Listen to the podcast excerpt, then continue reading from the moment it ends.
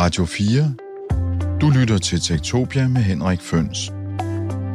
Tektopia er et program om, hvordan teknologi påvirker og forandrer samfundet og os mennesker.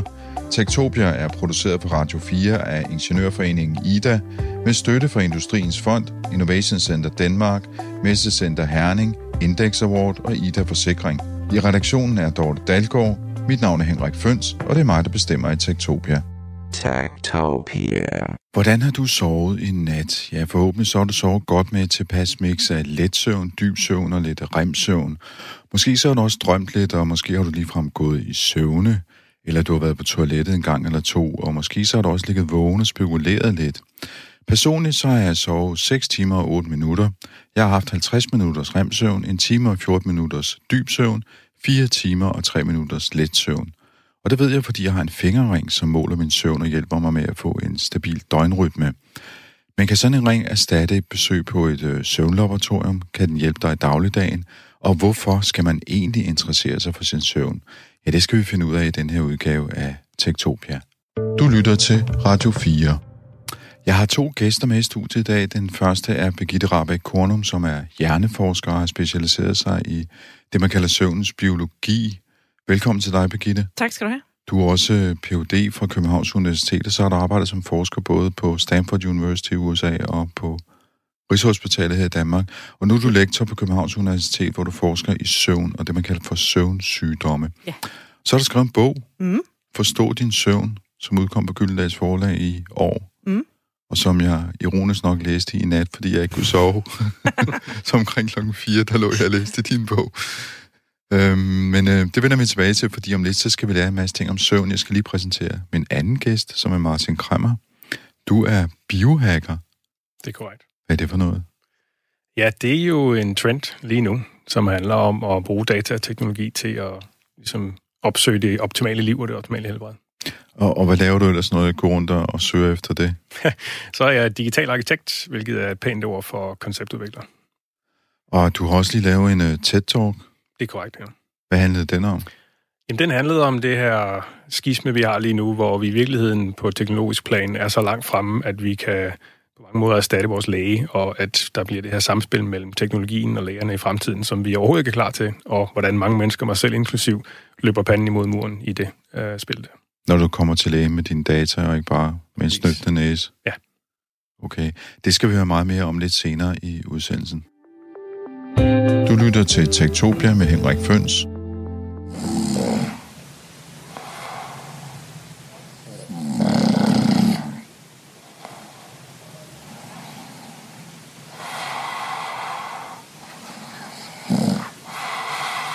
Ja, det man kan høre her, det er mig, der snorker.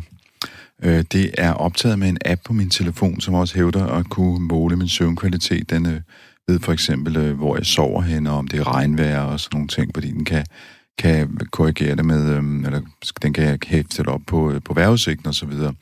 Øhm, det er måske ikke den mest præcise målemetode til at finde ud af, om man sover godt eller ej, men øhm, det var også sådan lidt en konkurrence med, hvor meget snorker jeg egentlig om natten, fordi min kone synes, jeg snorkede. Birgitte Kornum, øh, du har skrevet bogen Forstå din søvn.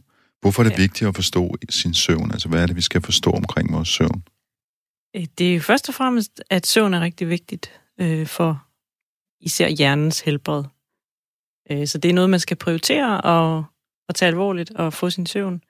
Øh, men der er også mange myter omkring søvn, som, som måske egentlig kan gå ind og gøre det endnu sværere at sove ordentligt, fordi man kan blive nervøs for alt det, man hører, og der florerer utrolig mange øh, historier om søvn på internettet. Ikke?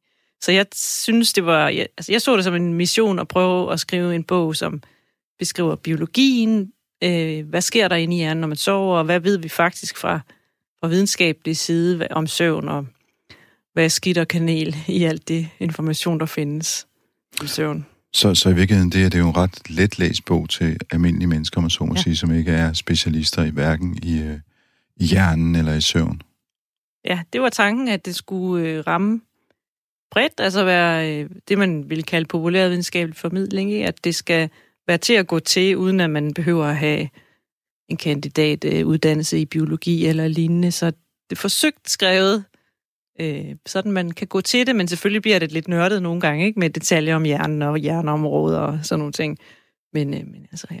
Men det ved du jo måske bedre, om den er til at læse. Ja, jeg synes, den, den, den var super god at læse, også midt om natten faktisk. Øhm, nej, men øh, det der med, hvorfor søvn er vigtigt, fordi nu, du, du nævner jo hjernen, altså søvn og hjernen, det er jo to ting, der hænger sammen. Altså, hvad, Ja. er, hvad er det, søvn er godt for, for, for Hvad? os, eller for hjernen? Ja, øh, det altså, groft sagt, det er godt for hjernens restitution, for at den kan holde sig ved lige. Den bliver brugt, altså når man er vågen, vi er jo typisk vågen måske 16 timer i træk, og i den tid sker der en hel masse ting i hjernen, der skal lavres, man lærer en masse ting hele tiden. Øh, og alt det er jo nogle faktiske biologiske processer inde i hjernen. Og de sætter, sine, de sætter deres spor, og for at man kan blive ved og ved med at lære nyt, og få det optimale ud af sin hjerne, så er man nødt til at sove, for at få ryddet op i det der, der opstår i løbet af dagen. Altså, groft sagt. Men søvn er faktisk ret kompliceret proces med mange faser og mange forskellige ting, der sådan fletter sig ind imellem hinanden. Ja, fordi altså, man har jo populært sagt, siger man, at vi har en døgnrytme, men vi har også en søvnrytme, som Ja. ligger i nogle forskellige faser. Ja. Øh, nu rappler jeg nogle af dem af mig her til at, øh, til at starte med udsendelsen. Ikke? Ja. Jeg snakker om dyb søvn, jeg snakker om remsøvn, jeg snakker om, om let søvn, som skal sovnekøbet falde i to faser, så vidt jeg har forstået, hvis jeg husker Ja. korrekt, Ja. hvad, hvad du skriver. Det er rigtigt. Men kan du, ikke, øh, kan du ikke fortælle os, hvad, hvad er det for nogle faser, man går igennem, når man sover om natten? Jo, øh, søvn har fire faser. Det er i hvert fald det, man siger nu. Det kan jo ændre sig med tiden, når man bliver klogere. Men øh, lige nu deler man søvn ind i fire faser, og de tre første kalder man fase 1, 2 og 3. Øh, og det er sådan gradvist dybere søvn. Så fase 1 er meget let søvn, og i virkeligheden måske bare mest en overgang mellem vågen og søvn. Fase 2 er sådan mellemdyb søvn, og udgør typisk halvdelen af natten, og er en rigtig vigtig fase for hukommelse, indlæring, øh, ja, især de to ting, men, men altså det hele taget for, for hjernen skal fungere godt. Og fase 3 er den dybeste søvn, øh, hvor man regner med, at er sådan, hvor der også sker sådan en renseproces, hvor hjernen bliver renset for de affaldsstoffer, der kommer i løbet af dagen. Men, men fase 3 er også vigtig for hukommelse. Det er sådan set al søvn. Øh, og den sidste fase, den hedder så ikke fase 4, den hedder REM-søvn, og det er fordi, den er meget anderledes end de andre. Øh, Øh, og REM, det står for Rapid Eye Movement. Og fasen har fået det navn, fordi man kan se det på en sovende person, hvis, hvis en, man kan se på øjenlågene, at øjnene bevæger sig inde bagved hurtigt, så derfor Rapid Eye Movement. På den måde opdagede man det her søvnstadie, og det har vist sig siden, man kan jo vække folk, når de sover REM-søvn, fordi man kan se, at de sover det. Og det har så vist sig, at det er her, man drømmer de fleste af sine drømme, og i hvert fald alle de skøre drømme hører til remsøvnen. De skøre drømme. Ja, vil sige, der findes- der findes også der drømme, som ikke er Ja, der skøre. findes også kedelige drømme. Dem kan man typisk ikke huske, for dem drømmer man mere i starten af natten. Okay. Men hvor det sådan er mere, man går hen ad vejen-agtige drømme. Rem-drømme, de er, de er sådan meget kreative, mærkelige drømme. Men, men for lige at forstå, øh, du snakker der om en renselsesproces Ja. i den dybe søvn. Yes. Hvordan foregår den der proces? Hvordan renser man hjernen? Ja, det godt spørgsmål. Øh, det er ved... Altså, ja, man skal huske, at hjernen er sådan et meget tæt pakket organ. Det er bare proppet med celle, celler, alle mulige celler, der fletter sig ind i hinanden. Øh, og der går ikke sådan... Det er ikke så nemt egentlig at vaske sådan en meget tæt pakket struktur. Så det, øh, der sker, er, at der åbner sig sådan nogle vandkanaler, meget små vandkanaler, imellem den væske, der ligger rundt om hjernen og beskytter hjernen, og selve hjernevævet.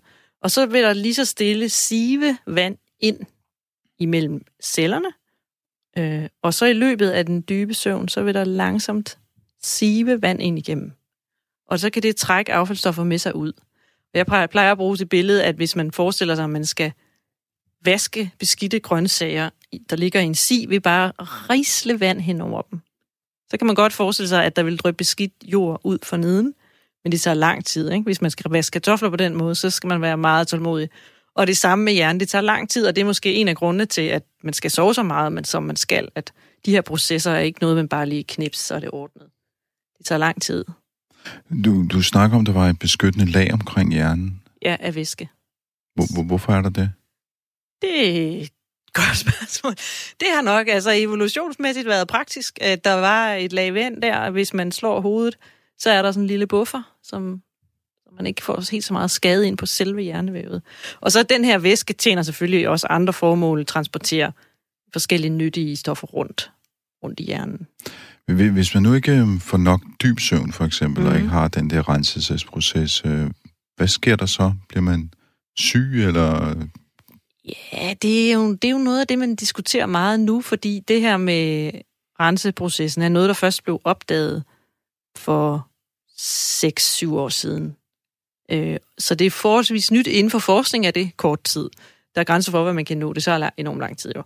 Øh, så nu prøver man at kigge rigtig meget på, hvad betyder det, hvis det mangler. Og der er en del teorier om, at det betyder meget for udviklingen af demens.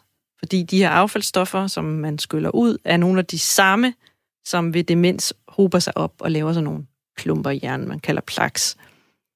Så hvis man ikke får sin søvn, så kunne man forestille sig, at man vil få mere ophobning, som i sidste ende fører til Alzheimer's sygdom og andre demensformer. Men det der præcise link, man er ikke, det er ikke sådan endelig bevist. Men det er helt klart den retning, forskningen bevæger sig.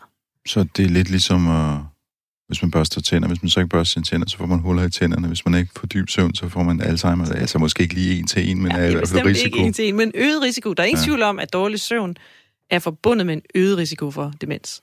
Mm. Mm. Men linket, altså man ved ikke præcis, hvor er linket. Og der er også nogen, der vil komme med det modargument og sige, jamen, det er fordi, når man har demens, så har man svært ved at sove dyb søvn. Så ah. den sammenhæng, at der har man ikke helt Nej. noget enighed om, hvad retning det går. Men altså, der er flere og flere resultater, der peger i den retning, at dyb søvn beskytter mod Alzheimer's. Men hvad så i remsøvnen? Fordi der foregår også en eller anden proces, som... Øh, altså det, det, det virker som om, det der foregår i den dybe søvn, det er sådan en meget fysisk renselsesproces. Altså det er fys, simpelthen stoffer, der bliver renset ud af hjernen. Mm. Og remsøvnen er mere, hvad skal man sige, uangribelig. eller hvad? Ja, øh, mere sådan integration. Nu kan vores, det kan vores dataekspert virkelig tale mere om. Men hvis man har, man, hjernen er jo proppet med information, og der kommer hele tiden ny information ind, og det skal integreres med det gamle for at være rigtig nyttigt, ikke? Så det skal ligesom puttes ind de steder, der skal laves forbindelser, de steder, hvor der er nogle mønstre, der går igen. Og noget af det, man regner med REM, er rigtig vigtigt for, er, genak- man genaktiverer nogle mønstre ved at prøve, og så prøver hjernen at lede efter ligheder mellem nye og gamle mønstre, og ligesom flette det sammen, så det bliver nyttigt, det man har nye, man har lært. Hvis det står helt alene, ny læring, så er det meget mindre værd, end hvis det bliver flettet ind med det gamle. Så på en eller anden måde, så sker der noget i hjernen, som integrerer ny og gammel viden. Og det er særligt i remsøvnen. Præcis de biologiske processer, dem har man ikke styr på. Altså der mangler man at finde ud af, hvad er det, hvad er det for noget, der vokser eller skrumper, eller hvad er det, der sker. Ikke? Men, øh, men man kan se, hvis man laver sådan nogle forsøg med mennesker, der sover meget lidt rem, eller man kan jo forstyrre det ved at vække folk, når de sover rem. Altså så mister de nogle ting på kreativiteten og evnen til også sådan at lære nye, overraskende ting. Men de her faser, går man altid igennem dem, også hvis man sover i middagslur, eller hvis man så kun sover fire timer, eller skal man sove øh, de der anbefalede sovetimer. Man øh, går igennem dem alle fire, hvis man bare sover i omegnen af halvanden time. Det er selvfølgelig individuelt. Men øh, man regner med, eller man kan se, hvis når man studerer folks søvn, at der er sådan nogle søvncykler. Og de varer cirka halvanden time i gennemsnit. Det er meget individuelt selvfølgelig. Men i løbet af sådan en søvncyklus, så kommer, går man fra fase 1 til fase 2 til fase 3. Og så går man tilbage op i de lette lag, fase 2, og så til sidst, så har man rem. Og så kører man igennem sådan nogle cykler natten igennem. Så lidt groft sagt, så har man fem cykler af halvanden time. I løbet af nat, så har man sovet syv en halv time. Og det er, det er det, man har brug for. Hvor, hvor, hvorfor har man brug for 7,5 timer, hvis man alligevel går igennem alle de faser? Hver gang, i hver cyklus? det er fordi, at øh, man, må- på den første søvnfase, ikke, der kan man nå måske en halv time dyb søvn, og det er ikke nok dyb søvn. Så man, så man kan sige, for at få det samlede mængde øh, søvn af hver fase, som man har brug for, så er man nødt til at lægge dem ligesom oven på hinanden. Men noget af det, som er smart ved de der faser, er, at det betyder jo også, at man kan, man kan sove halvanden time, og så har man allerede fået lidt af det hele, så kan man sådan set sagtens være vågen et stykke tid. Og så kan man sove halvanden time igen. Og så kan man vågne igen, og så kan man sove igen. Så det gør ikke noget, altså det gør ikke noget, at søvn er afbrudt. Det er lige så god søvn, selvom det er afbrudt. Men det er den totale mængde, der, der Ja. tæller i sidste ende. Ja. Hvordan er det med søvn? Det forandrer sig jo øh, med alderen. Det gør det i høj Altså spædbørn sover utrolig længe, og Ja, gamle mennesker sover måske ikke så meget. ikke så meget, nej. Jamen, det forandrer sig meget med alderen i de helt tidlige år, spædbørn og foster sådan set også. De sover utrolig meget remsøvn. Og så øh, falder de med alderen, og øh, den dybe søvn falder også med alderen. Og det her, der er en diskussion om, er det fordi hjernen bliver dårlig til at sove dyb søvn, eller har man brug for mindre med alderen? Det ved man faktisk ikke. Men i faktum er i hvert fald, at det falder. Øh, fase 2, søvn, den er nogenlunde stabil livet igennem. Så det er de andre faser, der bliver mindre af. Og det vil sige, samlet set, så, er der mindre, så sover man mindre med alderen. Og man siger som tommelfingerregel, at ens søvnbehold falder med en time, fra man er i 20'erne til man er i 60'erne, 70'erne.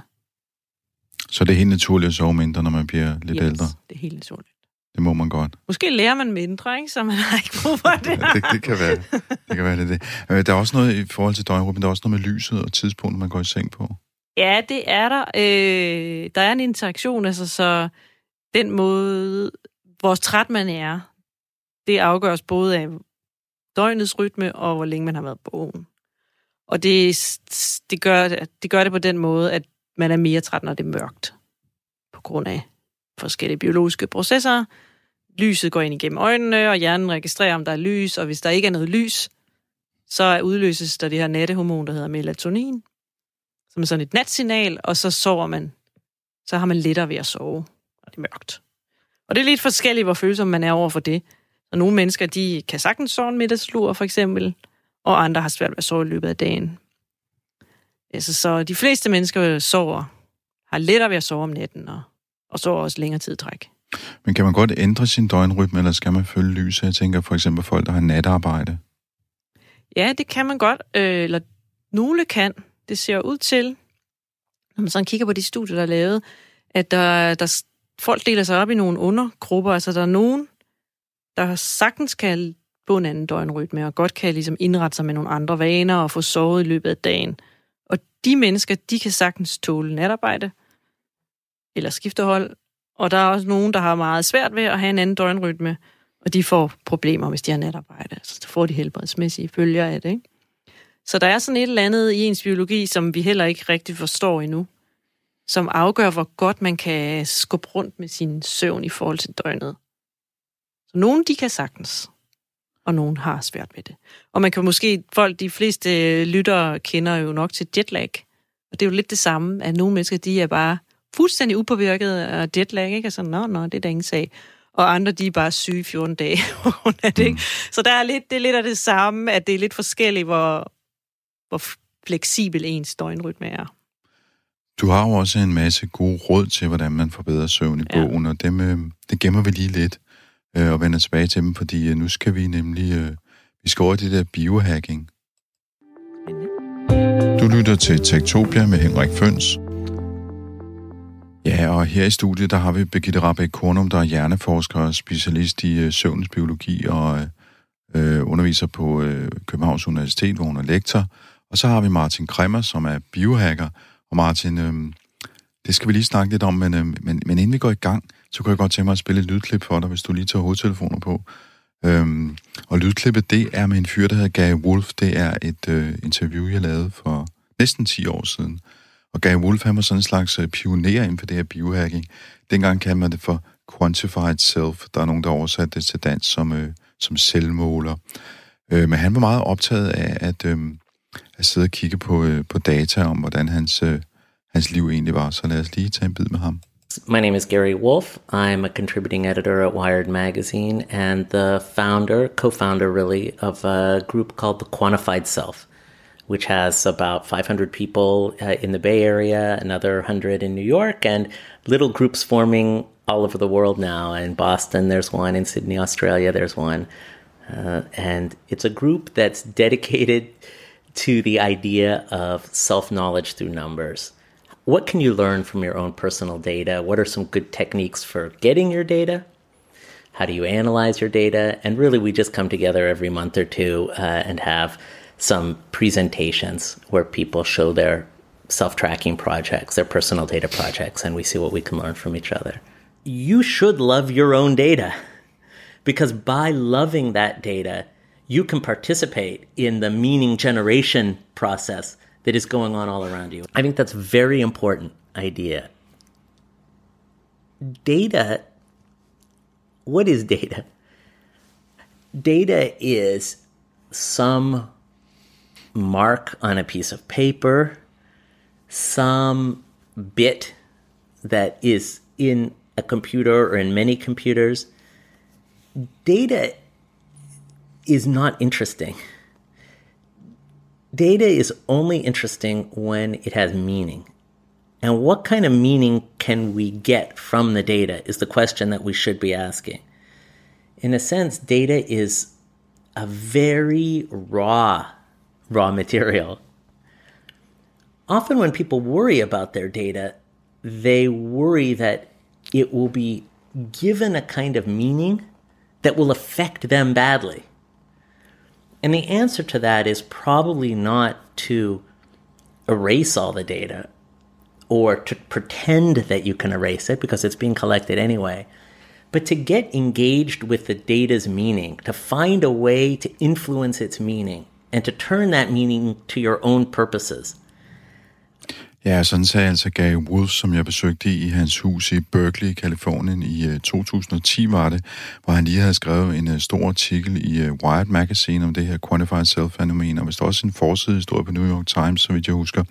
Og de havde allerede gang i, i en gruppe, som gik rundt og målte på sig selv. Dengang var det stadig sådan relativt primitivt. De skrev ting ned og puttede det i regneark og de målte, hvor langt de gik, og hvordan de sov, om de var lykkelige. Og nogen brugte sådan nogle øh, matematik-apps, hvor de lavede regnestykker, så de kunne finde ud af, jamen, hvor godt performer de kognitivt i forskellige situationer. Og sidenhen så er der jo sket rigtig, rigtig meget, Martin Grimmer, fordi vi har fået en masse apps, og vi har fået hardware, som... Øh, du nævnte den her fingerring, jeg går med, den finske ja. fingerring, og jeg kan jo se, at du også har en. Så du går også rundt og måler din søvn.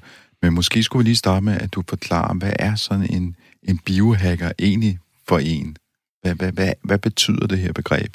Så det er meget godt, du starter med Gary, fordi det er jo faktisk der, det hele starter, som du ganske rigtigt har, har fremsat her. Um, Quantified Self var jo ligesom, som jeg plejer at, at sige til vores meetups, at, at det er jo der, hvor folk de tracker de sådan meget banale ting, skridt og søvn i de tidlige dage. Det var meget svært at track søvn engang, men, men der var nogen, der gjorde det. Um, og, og hvis man ligesom forestiller sig sådan en skala, hvor du er helt ude på den, sådan den hvad skal du sige, banale aksel, selvom den ikke er banale, men, men den banale ende af skalaen har du de her øh, selvmålere. Og så har du helt ude den anden ende de her mere ekstreme, hvad kalder man dem, singularity... Øh, Transhumanister. Transhumanisterne, ikke? Altså dem, der gerne vil i sidste ende uploade deres hjerne til en sky op i, på internet og sådan nogle ting. Det er fascinerende, det er pionerarbejde, hvis du spørger mig. Og ind i midten, der har du dem, man kalder biohacker. Og i, i takt med, at du har fået mere teknologi til ligesom at bevæge dig fra de her banale målepunkter til nogle meget mere konkrete biokemiske målepunkter og sågar hjernebølger og alle mulige andre spændende ting, som jo bliver øh, consumer, eller hvad skal man sige, forbrugervenlige nu, så skaber du det her felt, hvor folk de lige pludselig kan få en masse data om sig selv, der gør, at de, de får en indsigt, som tidligere ikke har været muligt. Og det er det, man kalder biohacking. Og nu, nu nævnte du før at vores meetups, sagde du. I har sådan en, en klub eller en forening, hvor I mødes? Vi har det, ja, et meetup-koncept er jo, at det er sådan oftest meget øh, frit og frivilligt og gratis, og det er Danish Biohacker Community, som er omkring 1000 mennesker, vokser og støtter hver dag, så det er jo dejligt, øh, hvor vi holder gratis events, hvor folk kan komme og høre om blandt andet søvn, og hvordan man kan optimere det, og hvordan man kan måle det, og vi har forskellige andre ting, hvor vi kigger med ind i kroppen på biomarkører og, og så videre. Biomarkør, altså det, ja, nå. Jeg tænker, hvad, hvad, Martin, hvad, hvad går du selv rundt og, og måler? Altså, jeg har målt rigtig meget igennem de sidste øh, ja, mange år, vil jeg sige. Jeg startede tilbage i 2012-13 stykker, inspireret af et radiointerview for din vegne i øvrigt, som vi har talt om. Men øh, jeg måler primært i dag min søvn og mine vaner. Det er sådan de to meget faste ting, jeg måler.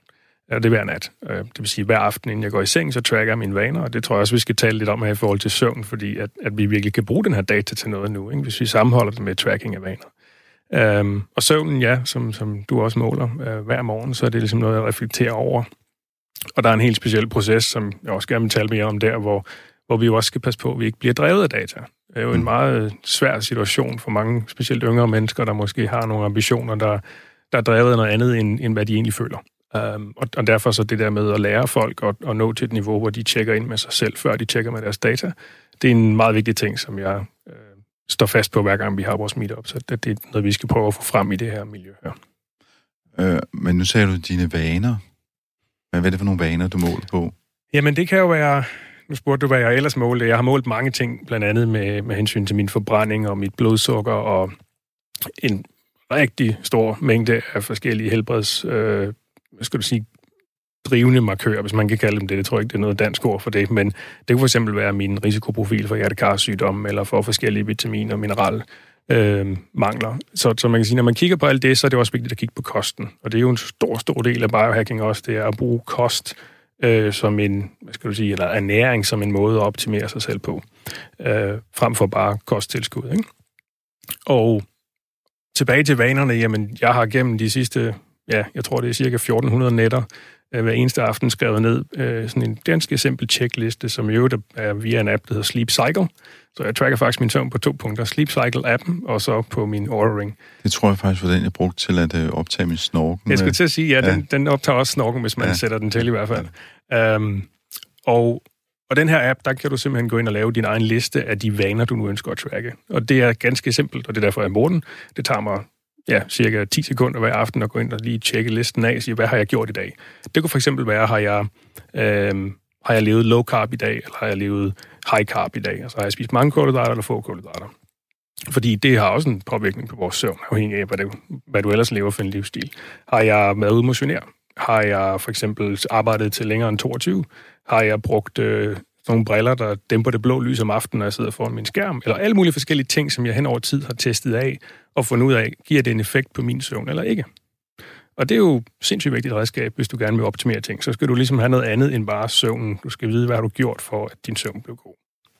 Og det er jo også det, Gary Wolf han snakker om ens han siger, at data er ikke bare data, det er kun, de er kun værdi, hvis de giver, giver mening for en, ikke? Ja, præcis. Og man skal elske dem. Elsker du dine data?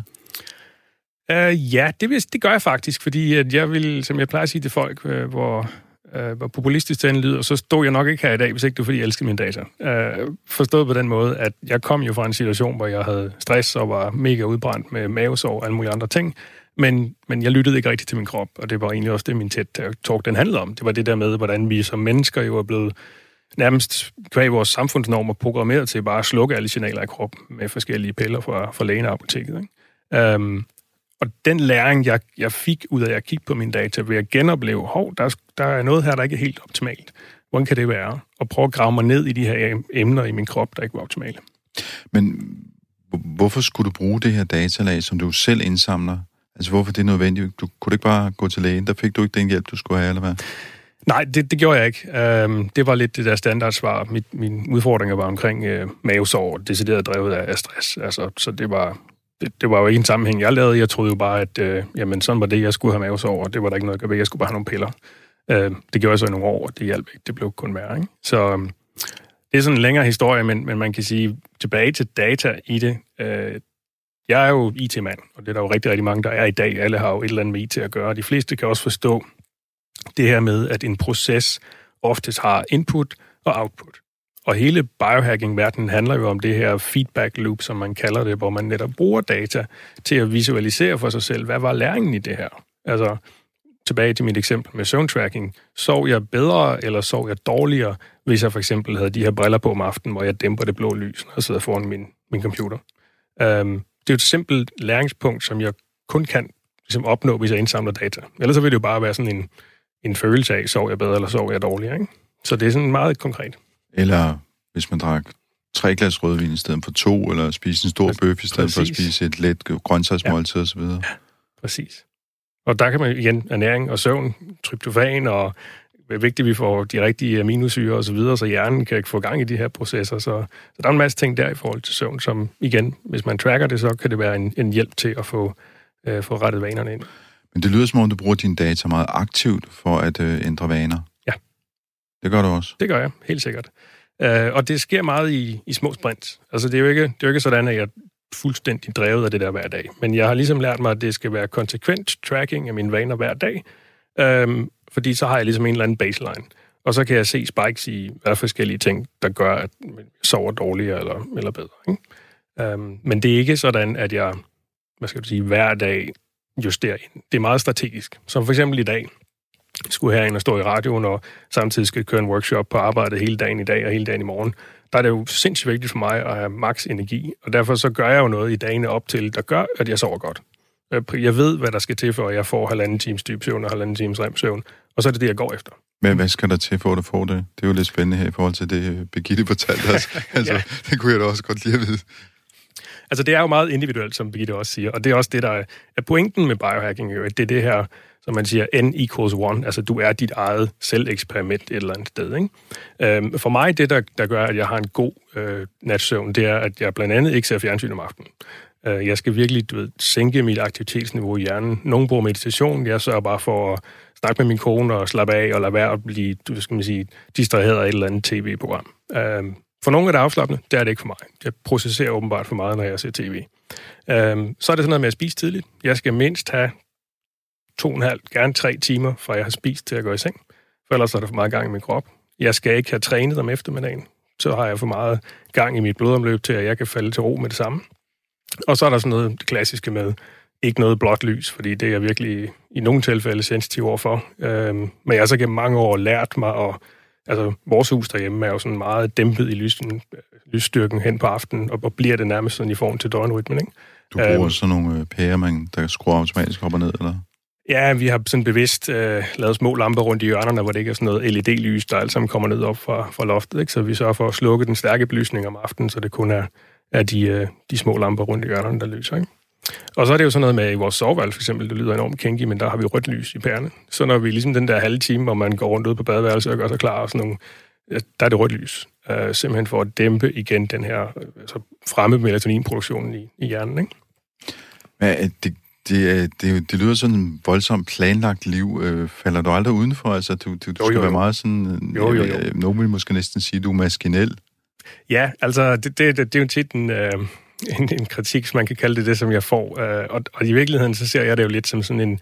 Nej, jeg har bare andre vaner end standard. Jeg har min egen norm. Jeg har fundet mig ud af, hvad der er min norm, der fungerer godt for mig. Jeg har ligesom valgt at leve uden for den normale samfundsnorm, hvor man er ligeglad med nogle af de her detaljer her. Øh, så for mig er det jo ikke, altså, det er jo ikke kontrollerende eller styrende for mig. Jeg tillader mig selv, øh, lige så tit det skal være, at falde udenfor og spise bylovl og kriser og gøre, hvad der ellers skal til for at have et normalt liv. Altså, øh, og, og det igen, det er en vigtig, vigtig, vigtig pointe at få prioriteret over for de mange mennesker, specielt unge mennesker, der forsøger at optimere deres liv i dag. At det kan ret hurtigt gå over i sådan en grad, hvor, hvor det at tracke bliver målet i sig selv, og de glemmer lidt den der følelsen af, har de det egentlig godt, eller har de ikke godt. Ikke? Hvordan, øh, det er måske lidt personligt spørgsmål, og så må du lade være med at svare på det, hvis du ikke har lyst til det. Men jeg kan ikke lade være med at tænke på, hvordan smitter det af på, på dem, du bor sammen med, fordi altså, alle, jeg, jeg render også rundt og tracker en masse ting, mm. men min hustru og mine børn, de synes, jeg er lidt fjollet, fordi jeg går for meget op i det måske, eller, ja. eller taler for meget om det, eller når nu har han købt en ring, altså det er, han er også lidt skøragtig. Ja. Det, det, er, det vil jeg ikke sige, du er. Og min kone har også en ring. Øh, det tog hende selvfølgelig lidt tid at få den, men det var da hun indså, hvad jeg fik ud af at bruge den. Mm. Så hun er sådan mere hun skal lige vurdere, at er det noget her, hun kan bruge til noget, og så er hun egentlig med. Og det tror jeg bare, det er et spørgsmål om engagement og interesse. Hun kan sagtens se fidusen i mange af de ting, og, og klart, gennem over tiden har vi inkorporeret mange fælles vaner på, på den front der. Øh, Birgitte Kornum, jeg kunne godt lige tænke mig at uh, spørge dig, om vi fortsætter det her blå lys, som Martin Kremmer snakker om, mm-hmm.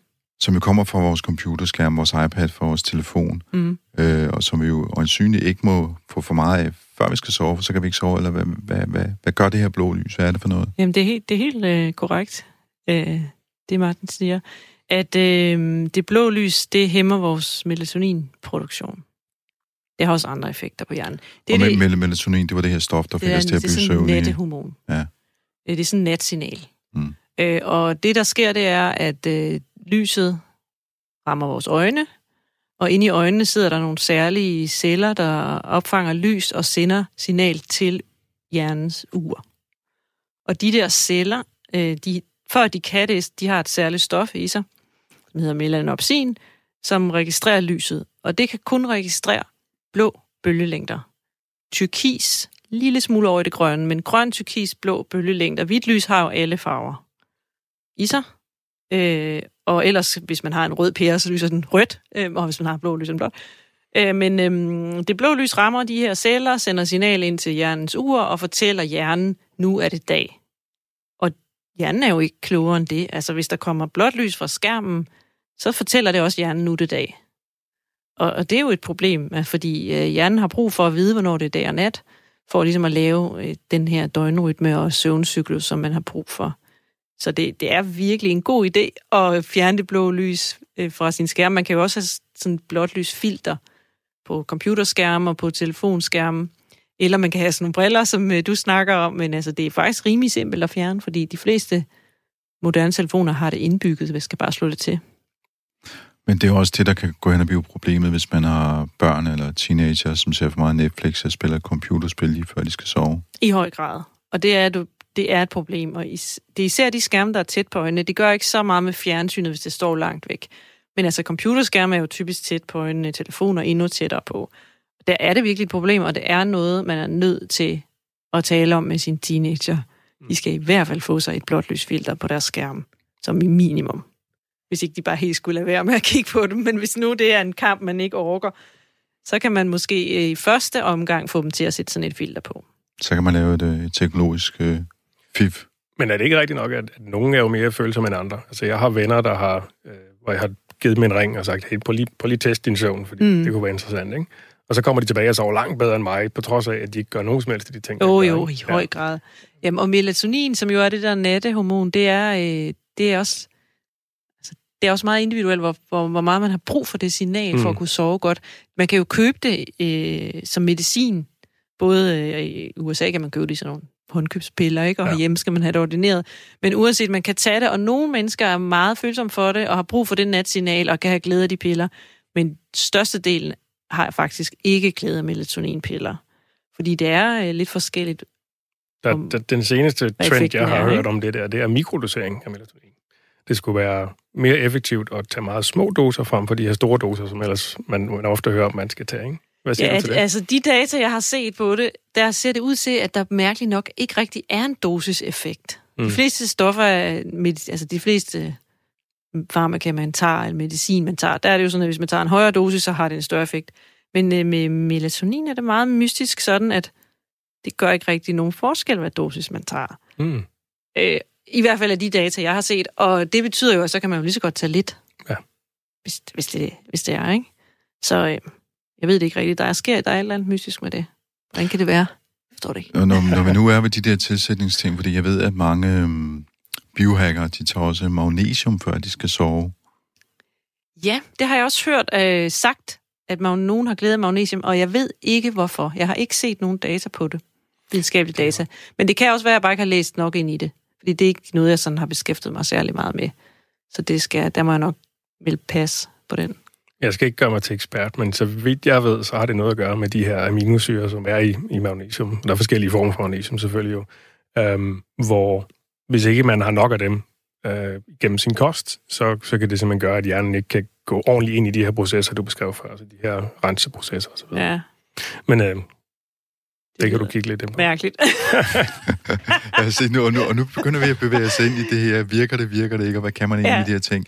Og det gør jo så, at jeg tænker, at vi skal over sådan i, i den, når vi snakker søvnfase, vi skal over den sidste fase af programmet, hvor vi faktisk kigger lidt på den her sådan, øh, søvnring, som mm. hedder Aura, og som bliver lavet i øh, Finland. Øh, og jeg har faktisk et øh, interview med, øh, med ham, der er Chief Scientist øh, hos, øh, hos Aura. Han hedder Hanno Kinnunen, hvis jeg udtaler det rigtigt, men øh, finsk er jo svært, men øh, lad, os lige, øh, lad os lige lytte til, hvad han har gang i. Du lytter til Tektopia med Henrik Føns.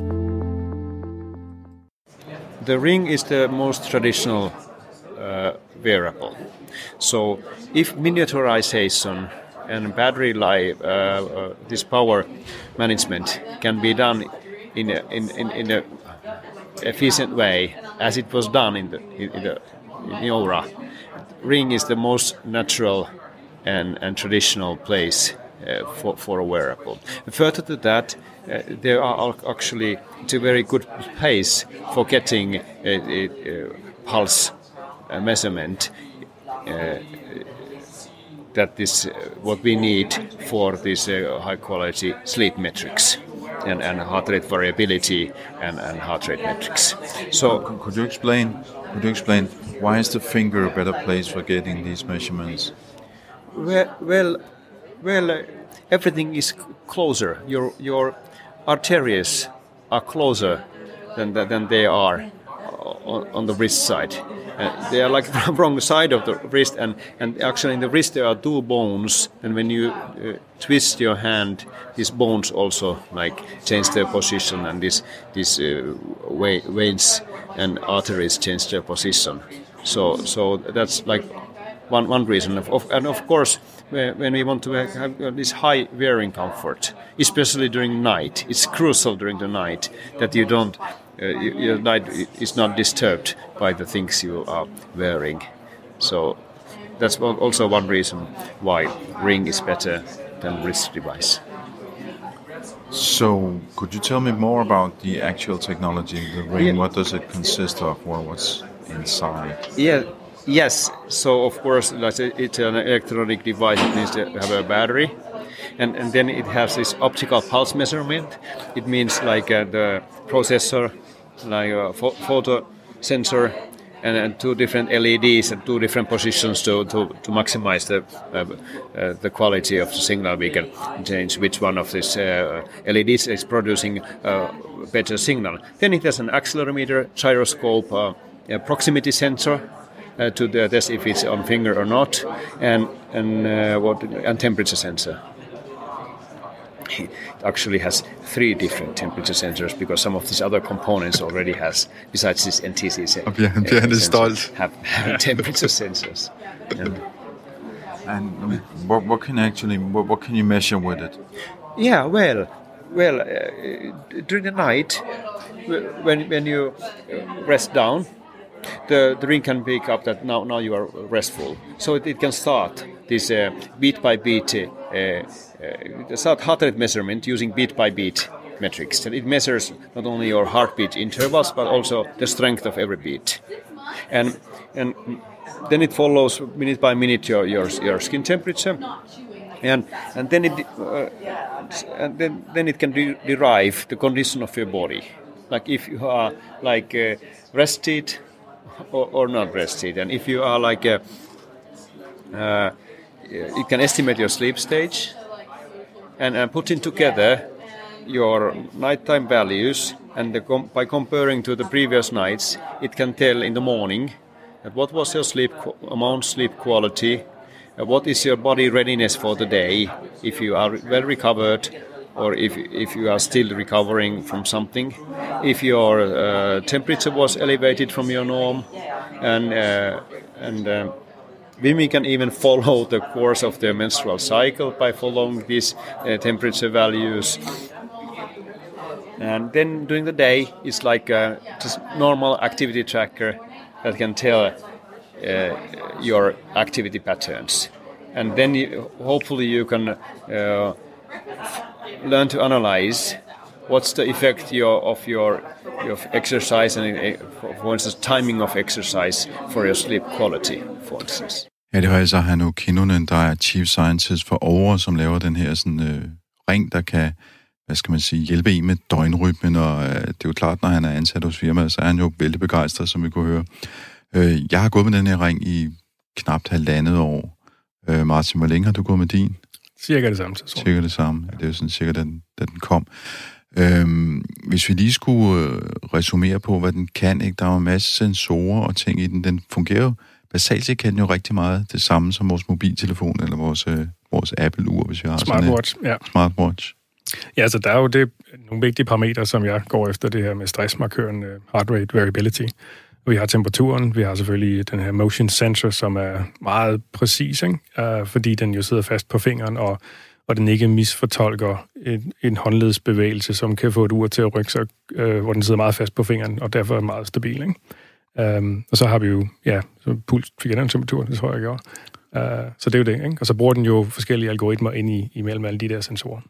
Ja, fordi øh, det der jo er lidt øh, særligt ved den, fordi det her information sender den jo til en eller anden form for kunstig intelligens eller maskinlæring ud i skyen, som man siger på en server, ja. og så regner den en readiness factor ud, så man hver dag får sådan en, øh, en faktor med et, et tal, hvor klar man er til dagen. Ja. Man skal helst være over 85. Jeg fik 79 her til morgen, så jeg er ikke helt klar. 85. Hvad fik du? 85? 85 sidste uge. Det var, ja. det er meget godt gået. Øh, nå, Birgitte Kornum, øh, i forbindelse med søvn og den her ring, jeg har jo øh, så sendt dig øh, nogle af mine data den mm. sidste uge, som en ring har samlet op, og faktisk øh, sådan en aggregeret form, hvor du har fået, jeg tror, siden marts måned. Øh, nu har du hørt, hvordan ringen virker, og du har kigget på nogle af de der data.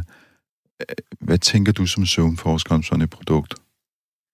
Øh, først og fremmest, så synes jeg, det, det er en rigtig god idé at, at, at tænke mere over sin søvn. Mm-hmm. og det kan sådan en ring jo hjælpe, øh, hjælpe til, at man gør.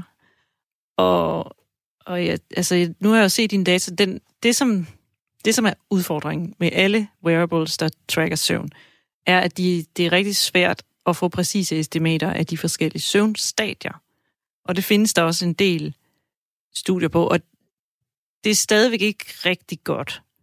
Og det kan det jo sagtens være, at det bliver, og jeg tror netop, den, altså Aarhus øh, idé med at integrere både puls og temperatur og bevægelse, er vejen frem. Det er det, det, er det man skal gøre, medmindre man sådan skal til at decideret have elektroder på hovedet, som måler hjernebølger. Men hvis man ikke rigtig gider at gå med sådan et plaster der i panden, så kan man jo så gå med en ring i stedet for, som også er pænere. Det, det findes faktisk. Det ved jeg. ja, det er jeg meget fascineret af. Det kan man godt bevæge sig ud ja, hvis man vil. det kan man nemlig. Men, øh, men så jeg tror, det man først og fremmest kan bruge det til, hvor de er gode allerede, det der med at, at måle en støjnrytme mønster, så det der med, hvornår går man i seng, hvornår står man op, hvor, hvor meget ligger man stille, det, den kan godt sådan rimelig, øh, rimelig lidt estimere totalt søvn.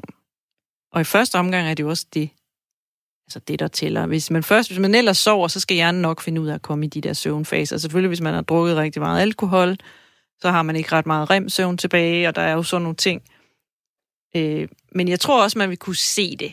Man skal bare være klar over, at når man bruger de her devices, så skal man tale lidt med grænsalt. Der er stadigvæk teknisk variation. Men nu, nu du siger, at man stadig kan se det, den, den weekend, jeg fik min ring, der tog den på, og så kørte jeg til Sønderjylland til 50 års fødselsdag, overnattede dernede, stod tidligt op og var sammen med dem, der holdt fødselsdag og kørte hjem igen. Og jeg lover jer, man kunne se det på de der statistikker, der kom ud af ringen. Ja. Altså, det var helt håbløst. Ja, altså, ja men ingen tvivl, at man slår kan... Ud, ikke? Al- alkohol slår virkelig ja. kraftigt igennem. Ja, og det er også, altså det giver en virkelig dårlig søvn, og det, mm. kender, det, det kender man godt. Hvor, hvorfor er det, alkohol gør det?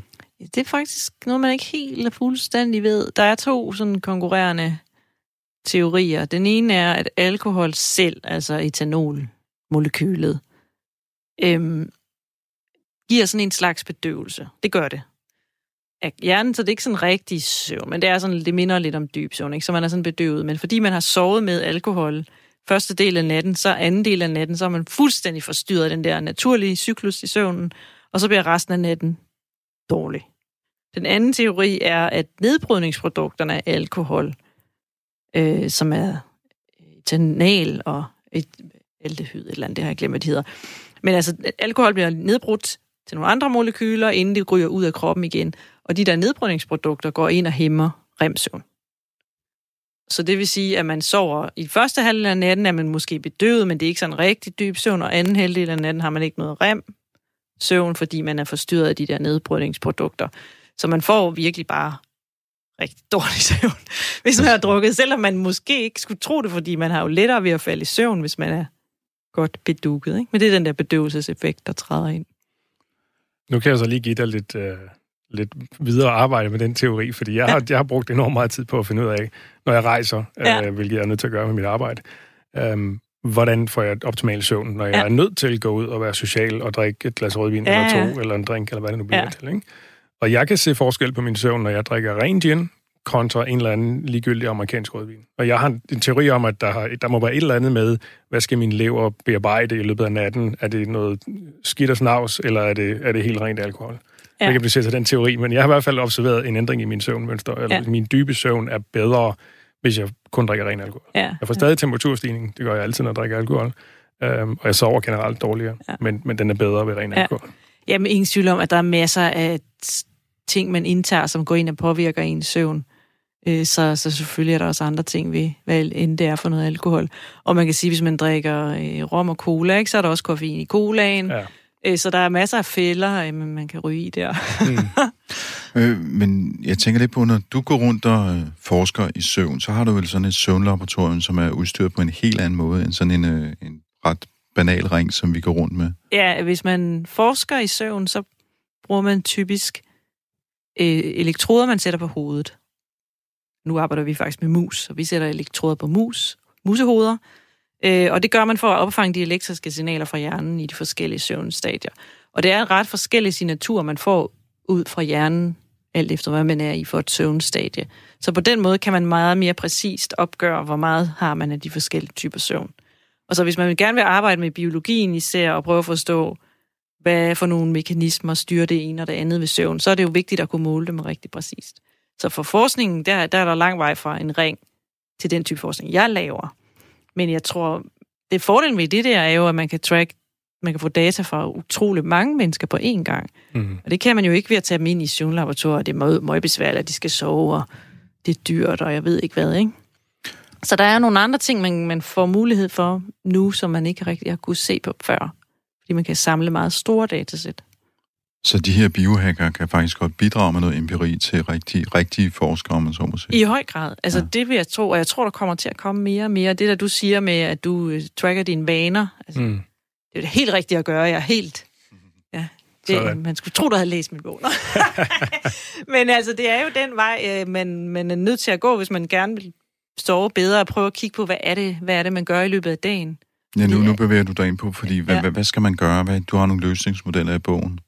Ja, så man skal, man skal prøve at finde ud af, hvad det er, der forstyrrer ens søvn. Hvis man er i det, altså hvis man er et sted i livet, hvor man føler, man ikke sover godt nok. Først skal man jo lige være klar over det her med, at det er naturligt at vågne om natten.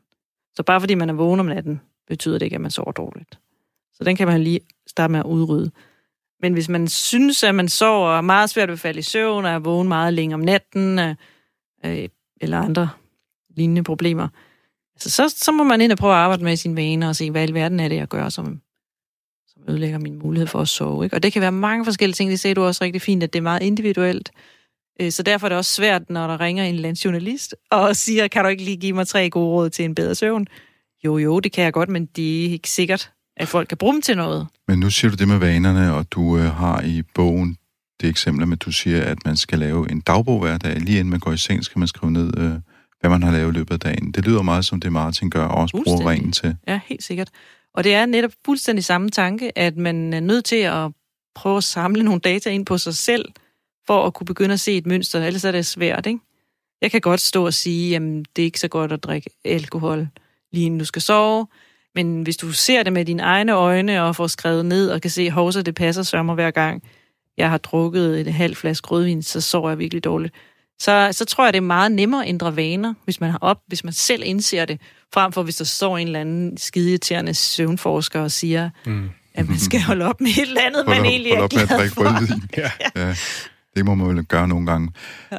Øhm, vi er ved vejs ende. Vores døgnrytme den er ved at være slut her i Tektopia, så tak til dig, Birgitte Kornum, som er forsker på øh, Københavns Universitet og har udgivet bogen Forstå din søvn på Gyldendags forlag. Og tak til dig, Martin Selv tak. Kremmer, som jo er biohacker. Jeg skal lige høre her til sidst, hvis man er blevet interesseret i det her biohacking, hvor kan man møde jer henne? Jamen, uh, Facebook, uh, Danish Biohacker Community, eller meetup.com, og så melder man sig ind. Det er ganske gratis, og vi holder event cirka en gang om måneden. Typisk Ja. i København, men vi starter i Aarhus til januar. Okay, jeg kan afsløre, at jeg var med for nylig. Jeg har aldrig været i rum med så mange, der havde den her finske ring, og var så optaget af søvn. Nu var der også et søvnarrangement, hvor en finsk Med en søvnforsker finsk læge, ja. ja, en præcis. finsk læge var på besøg. Ja. Så øhm, der kan man i hvert fald komme videre. Du lytter til Radio 4. Du har lyttet til Tektopia. Vi udkommer hver eneste søndag kl. 13.05 her på Radio 4. Og bagefter, ja, så kan du finde podcasten på radio4.dk. Der er ikke mere tilbage. Der er ikke flere data hos Tektopia i dag. Men jeg håber, at du er blevet inspireret til selv at lære noget af dine data, til at elske dine data, og til at gå ud og bruge dem aktivt til at få et bedre og mindre stressende liv, og ikke mindst en god nats søvn. På genhør. Du lytter til Tektopia med Henrik Føns.